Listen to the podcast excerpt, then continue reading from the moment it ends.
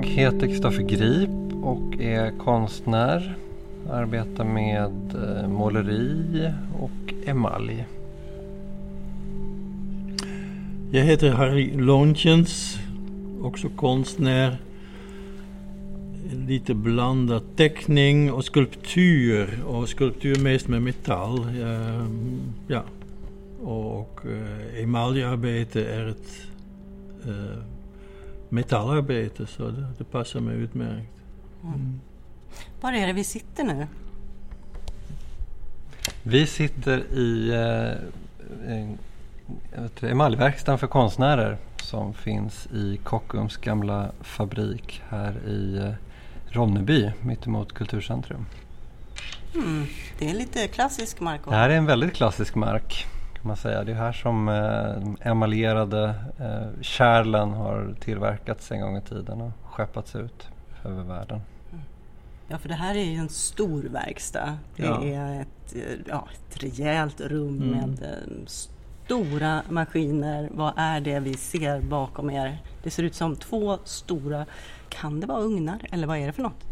Båda de här är ju ugnar. Eh, det där är den äldre ugnen eh, som, eh, som eh, Harry har varit med och byggt upp den. Den används ju inte längre. Men den är ju väldigt rejäl i storlek. Och sen så den vänstra är den ugnen som vi använder idag i emaljverkstaden. Och där borta är också någonting stort, men det kanske är någonting helt annat? Det är den nya, nya sprutboxen som eh, investerats i nu i verkstaden. Så det är ett jättelyft för, för den här mm. kollektivverkstaden. Vad är en sprutbox? Eh, sprutbox det är där man eh, sprayar emaljfärgen på eh, metallen. Man blandar upp emaljpigmentet med vatten och, och sprutpistoler. Och, tidigare så var den här sprutboxen som var där inne började bli till åren så att det åkte nästan mer ut än in i den. Men, men nu är den helt ny, ny investerad, jättestor, jättefin eh, sprutbox med bra sug. Så att nu, nu, hela arbetsmiljön är väldigt eh, förändrad här inne kan man säga. Mm. Så det är kul. Mm. Ni är ju då båda konstnärer som båda arbetar med metall men ni har också haft ett samarbete vad jag förstår. Mm. Hur? Det var 2020 så fick, fick jag ett skissuppdrag att jag skulle Eh, Eh, fick möjlighet att fundera ut eh, en gestaltning till eh, fasaden på Kulturcentrum här bredvid. I två av nischerna, så det är, det är ju den gamla packcentralen för Kockums emalj som den lokalen är i. och jag började fundera över det här och var tvungen att komma på ett material som höll för väder och vind. Det ska vara utomhus, det ska hålla temperaturskiftningar, det ska hålla för vägen och det är ganska långt ner så det ska hålla för eventuell ja, lättare vandalism också eller kan man säga. Det ska liksom verkligen vara ett slitstarkt material. Och jag kollade allt. Eh, till slut så insåg jag att det enda som skulle hålla eh, vore emalj. Eh, det enda som skulle vara logiskt tematiskt på grund av att en gammal packcentral för emalj är emalj. Och sen så fanns också den här fina verkstaden i huset bredvid. Så då kom jag på att jag, var, jag måste göra det här i emalj, jag måste planera för att göra det här i emalj. Eh, men jag kan inte emalj. eh, jag har jobbat i verkstad förut med andra konstnärliga material men aldrig med emalj. Så då jag hade träffat Harry i, i, samband med samtal som hade förts eh, eh med konstnärer här eh, inom eh, ett projekt som heter Katalysator där man har, har satsat på att rusta upp de här verkstäderna och öppna upp för, för konstnärer. Eh, och eh, då hade vi träffats där så det var därför jag vågade fråga Harry eh, om mm. han kunde lära mig materialet. Och som tur var för mig så sa han ja. Jo, ja. jag tycker det är kul att vara med. Alltså, man blir ju lite mer isolerad när man blir äldre så jag, jag tycker det var jättekul att han frågade. Så visst, tack, ja, ja, gärna. Så det, det var bara bra. Och vi kommer bra överens. Och det, mm. Och jag fick höra allt möjligt som var intressant för mig. Så jag, jag tyckte bara det var win-win på, mm. på alla sätt. Hur gick ni tillväga? Alltså, Kristoffer hade förstås ett, ett, förslag som man gjorde i miniatyr. Mm. Alltså en, eh, en till 20 eller... Mm. Något sånt var det. Ja, ja. Så det var klart. Sen, sen kom jag med förslag hur vi tekniskt kunde lösa det. Och sen, mm. sen började vi prova ordentligt mm. hands-on här i, i verkstaden. Mm. Så att vi höll på med, grund, med grundering av de här plåtarna. Mm. Och, och eh, det, det, tog väldigt lång tid att få det rätt. Eh, ja. Det, det, var ja, lite, gamla, lite blandat gammalt och nytt eh, material och sådär. Till slut så ja. beställde jag från England eh, pigment och eh, grundemaljering. Mm. Och så mm. fick vi till slut fart på det. Eh, det tog eh, nästan hela den hösten. Ja, det var en lång, lång startsträcka var det. Ja. Och vi experimenterade lite med självbockarplåten eller leja bort jobbet. Och, mm. Så till slut gjorde någon liten firma allt detta. Så det, det var utmärkt, mm. fungerade fint. Och verket sitter var det sitter och jag går förbi där ibland och klappar det. Och ja, det sitter kvar. Det är faktiskt väldigt skönt. ja, ja. Ja. Vad heter verket? Det heter Tidens ström, eldens dröm. Eh, det är en diptyk. Så det sitter ju i två nischer då på den här eh, fasaden. Eh, och den vänstra emaljen kan man säga har med grundandet av Ronneby som stad att göra. För det fanns i, i, eh, i gestaltningsbeskrivningen eh, inför det här skissuppdraget så fanns det en önskan från eh, uppdragsgivaren som var Ronneby kommun ytterst att eh, det skulle spegla eh, platsens historia och också byggnadens historia, alltså industrihistorien i Ronneby. Eh, så att jag, jag försökte väva in eh, ganska många saker tematiskt i de här bilderna då som, som utgör eh, verket. Så den vänstra det, det, handlar om grundandet av staden eh, och den högra handlar om eh, verksamheten i staden, alltså den levande platsen när människorna är där kan man säga. Så den handlar om människorna i staden kan man väl säga rätt hårdraget. Mm.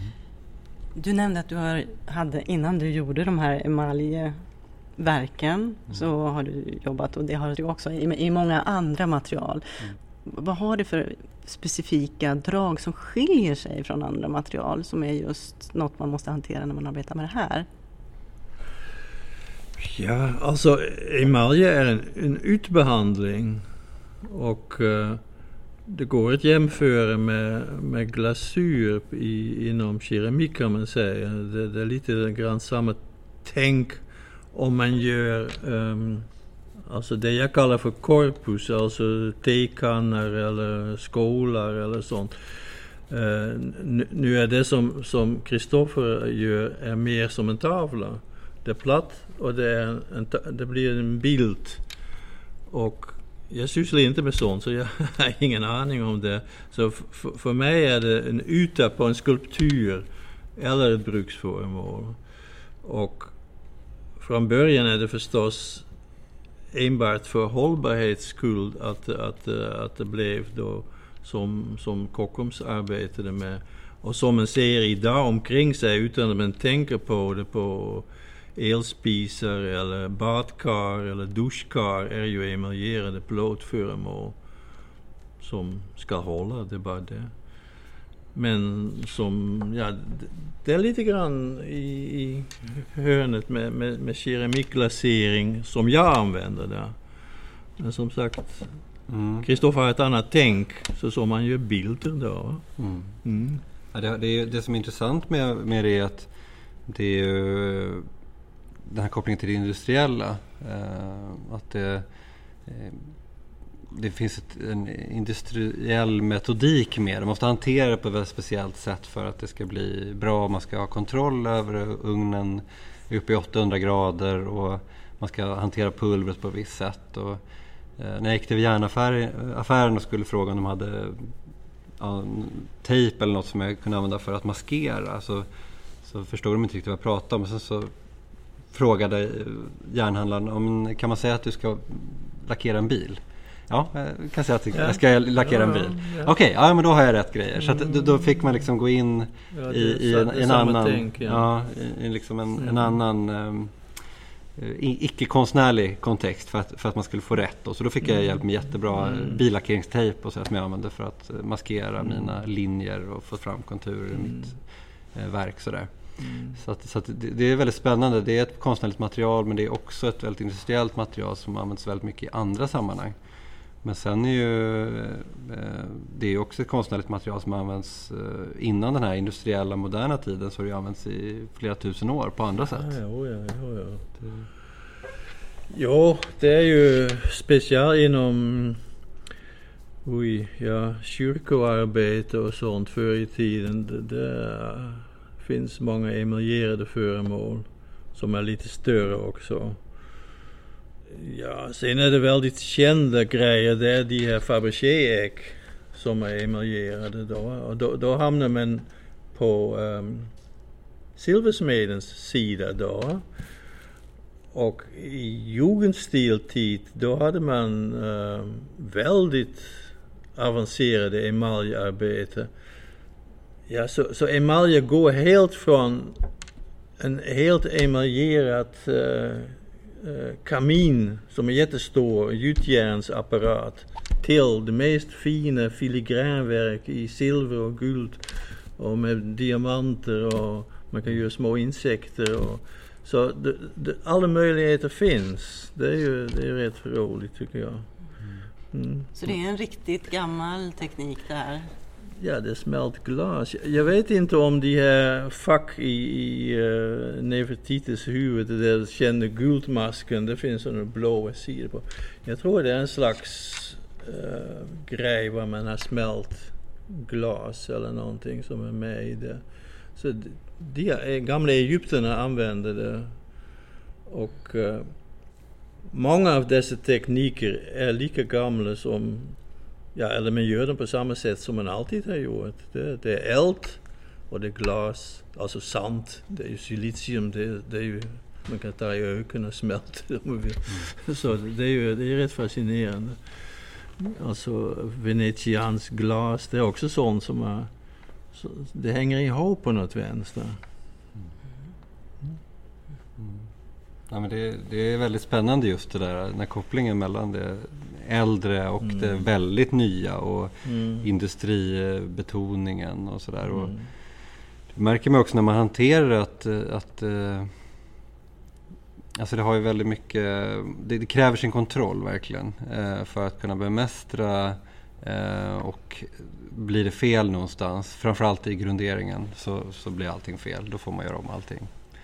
Sådär. Men eh, hur ser stegen ut då om man ska beskriva hela processen? Till exempel bakom, bakom dina verk, de här som vi har här ute. Ja, ja. Du, Harry, du får flika in. Ja, det, det, men eh, först så har man ju då plåten. Eh, det är en kolfattig plåt.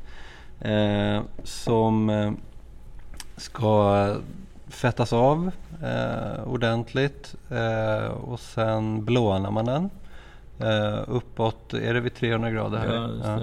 Som, som man tar in den i ugnen och, och eh, ja, har igång den tills den blir blå och då, då, då dels så neutraliseras själva materialet eh, och, och, stabiliseras men sen blir, blir också det sista fettet försvinner från den valsade plåten.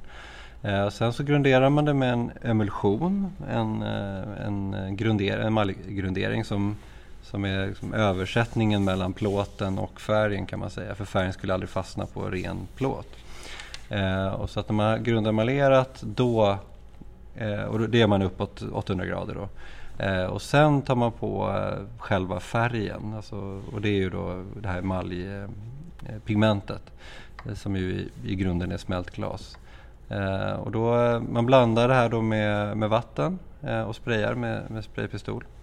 Eh, och sen får det torka, helst över natten och sen bränner man det eh, uppåt 800 grader.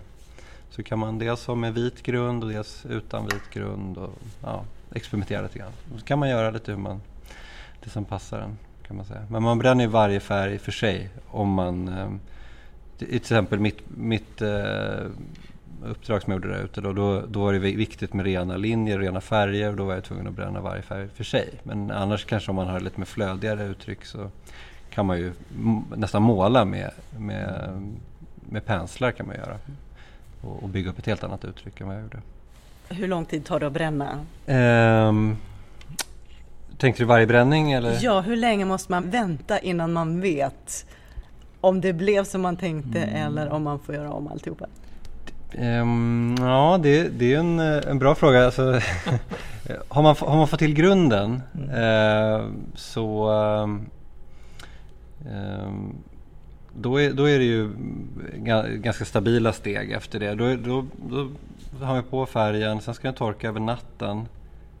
Så man måste vänta en dag åtminstone och sen så bränner man den på en eh, ja, man tar in den med 800 grader, sen så går värmen ner och sen så kanske det ta en kvart, 20 minuter innan den är klar att komma ut igen. Ja. Eh, och då vet man. Eh, då, det är inte alltid det blir bra. Då, då får man lite samma effekt som mörkrummet.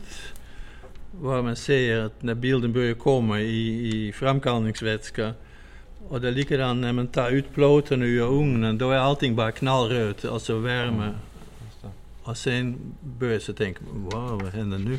Och sen kommer det och sen, ja det tar bara fem minuter sen. Sen ser man den riktiga färgen. Mm. Och jag tycker alltid man blir positiv. Oftast blir man positiv överraskad. Wow, det blir mm. riktigt kul. Så det, ja, det, går ju, nej, det går ju knappast att, men det går inte att planera riktigt alltså, när det faktiskt är ett fakta att, att det är klart. Mm. Då, då, är det ju det. det liksom. Mm. Och man kan ju inte ändra färger så lätt i emalj heller. Så att man får lära sig att, acceptera slumpen ibland. Och, eh, och man kan det. Och mm. Annars kanske man måste göra om allting. Men, eh, men att man liksom får låta det material, måste följa materialet. Mm. Annars så kan det bli riktigt mm. Eh, fel. Sådär. Det är lite sånt där, man lär sig. Man måste verkligen vara i verkstaden för att förstå materialet. Dina verk där Kristoffer utanför här nu är ju som vi nämnde slätade bildverk fast i mm. emalj. Och här ser jag ett av dina verk som ju är en skulptur Harry. Eh, en metallskulptur täckt av eh, emalj i mm. olika färger. Hur skiljer sig de här sätten att arbeta om man, ska, om man jämför? Mm. Ja, alltså först ska man göra en skulptur som man är nöjd med. Och gör man då en emalj, emaljering som man inte är nöjd med, det, det, det blir lite konstigt för då, mm, då har man jobbat så många timmar med skulpturen och ska man då kasta bort det. Så... Mm. Ja, vad gör du då? Alltså... Nej, jag, jag får acceptera det. Helt enkelt. Och um, det, risk, det risktagande som jag tycker om på något vänster. Att materialet bestämmer lite grann? Ja. Och Ja men det var samma som när man arbetar med, med färg och målar. Um, om man inte har en, en riktig plan men bara jobbar intuitivt då, då, då får man också den frågan. Målar jag det jag ser eller ser jag vad jag målar? Va? Att man att det, det händer just i ögonblicket, precis som någon som sjunger bra. Um, om det går bra, då vet alla att det är bra. Det är ingen tvekan. Va? Och ja, den känslan, den, den tycker jag mm. är häftigt. Så ska det vara. Så vitt jag förstår så arbetar ni båda två mest med stora grejer, eller? Ja, den är så.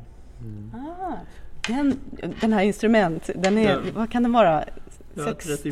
Ja, 30, 30-40 centimeter. När jag ser den här bilden så tänkte jag två meter. Ja, nej, ja men det skulle vara häftigt. Ja.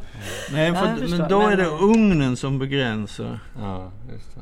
Då måste man ha en ugn och så Ja, det skulle kunna gå om man får kontakt med, med, med IFA-verken eller någonting vad de emaljerar badkar, om man får tillgång. Och, och, om de går med på, ja men vi kör det. Det, det har varit, jag vet inte om det var Gustavsberg som, ja, som gjorde mycket på, samarbete. på 60-talet i Stockholm att de inbjöd konstnärer till att jobba, ett jobb stort. Och det skulle ha varit fantastiskt intressant tycker jag. Mm. Mm. alla, alla de här liksom konkretisterna Ja, ja, och precis. höll på och Ja. gjorde gestaltningar i Ja, Stockholmsområdet och runt omkring. Mm. Tack vare samarbetet med Gustavsberg. Så Mm. där var det ju någon typ av renässans för, för emalj och, och den här typen av större arbeten. Mm. Det monumentala tänkandet är alltid annorlunda. Alltså om man tänker sig en fönsterparti i en gammal kyrka eller en hel be- glasig betongvägg i en modern byggnad. Och en av de få verk som jag, jag tycker är rätt spännande det är ju Le Corbusiers emaljeutsmyckning i Gandhikar i Indien. Var han är riktigt stor. Kan du beskriva vad... Ja, det, det är färggrant och hela huset, alltså han byggde nästan en hel stad där då i betong som är som skulpturer och en, en ganska speciell färgsättning och det finns enorma emaljer som är förstås gjort i sektioner men de ser ändå ut som en helhet. Väldigt spännande. Det finns väl, vill jag minnas, också någon, åtminstone någon, kanske flera stationer i Stockholms tunnelbana där det är riktigt Ja. stora emaljer på Ja. väggarna va? Jo, Mm. Men Mm. det är från 60-talet tror jag. Det finns ju ett bostadsområde som heter Östberga som, Ja, som ligger eh, ja, mellan Årsta och, och Huddinge kan man säga. Där finns det ju väldigt många på husen stora emaljer av just de, de här gäng, det här gänget konstnärer som samarbetade med Gustavsberg på 60-talet. Bland annat Ronnebykonstnären Lars Stenstad gjorde emaljer där faktiskt. Eh, eh, han var ju målare annars. Eh, men ah, om jag inte minns fel så, så har jag sett eh, utomhusemaljer av Lennart Rode också. Ja, Så det- precis. Ja, det- det stämmer. Mm. Men, ja, jag, jag, ja. Man behöver alltid någon hjälp, till exempel som lyfthjälp om det är något stort som ska hängas på plats. Och ehm, de som gjorde kyrkofönster förr i tiden, alltså i, i en ateljé där man gjorde blyinfattade fönster, då behöver man också folk på plats i byggnaden som sätter det på plats. Så det, det, det har alltid varit ja, tegelsättare eller folk som kan mosaik som var tvungna att vara en del i kedjan innan det är färdigt. Va? Så det, um, vet jag, Miss van der Rohe en sån man som älskade att snacka med, med byggmästare och murare och, dricka ett glas med dem. Och, och, och, och likaså uh, Leverens uh, han älskade och, ja, alltså, man måste ju älska hantverket och emalje är också, det är ett hantverk samtidigt som det blir ett konstnärligt uttryck. Det är fascinerande. att- Ja, jag hoppas bara att det blir flera som är intresserade och upptäcker detta. Och, Vad har vi här nu? Någon i gasmask. ja, det är jag. Det är du i gasmask. Ja, just det. när, hur gammal är den här bilden? då? Ja, det jag vet inte riktigt, men den är från en kurs. Här i samma lokal som vi sitter nu i. Och ehm, jag tål inte så mycket damm mer, så jag gick runt med andningsskydd. Mm, Det man för- ser på den här bilden är ett långt bord och så är det hinkar i olika färger och så är det du här i gasmask Ja, och någon som har munskydd. ja, detta är en, en annan, vad heter det, halvmask heter det inom lackeringsverksamhet. Nej, gasmasken är ju rätt central faktiskt. Man måste ju ha den annars så får man ju stenlunga till slut. Så. Ja, det är ju, man, man kommer hem eh, efter en dag i emaljverkstaden då, då får man ju ställa sig i duschen på en gång och sen så är det liksom emaljpulver som, som rinner av en. Fast kanske nu, nu med nya sprutboxen Ja, mycket mindre. ja. Faktiskt måste jag säga. mm. Men innan den så var det ganska speciellt. Nej, det man kan sakna är som det var Kulturarbetsförmedlingen Malmö som hade dessa kurser som var rikstäckande. Alltså detta var en kurs, eh, bygga ugnarna.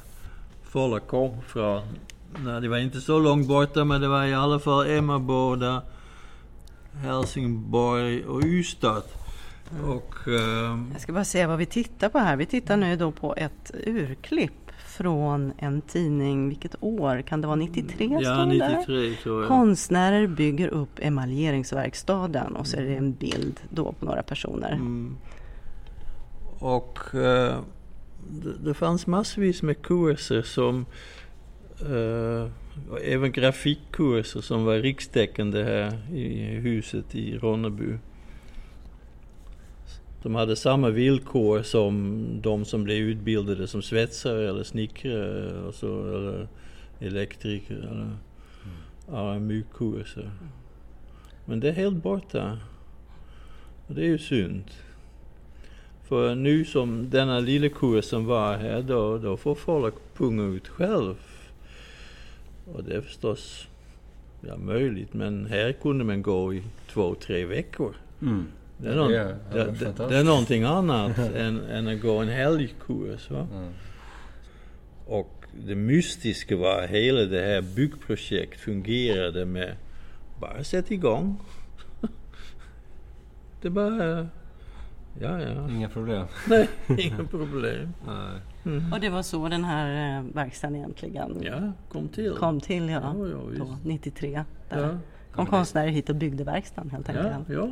Men det är ju just det att, att det handlar ju såklart om en, om en eh, samhällelig inställning och politisk inställning till vad konstnärliga arbetet är för någonting. Att, eh, att värdera det som ett riktigt arbete mm. är ju grundförutsättningen mm. för att en, en sån här sak till exempel ska kunna bli till då i, i eh, för nästan, ja, för 20 år sedan var det nästan då.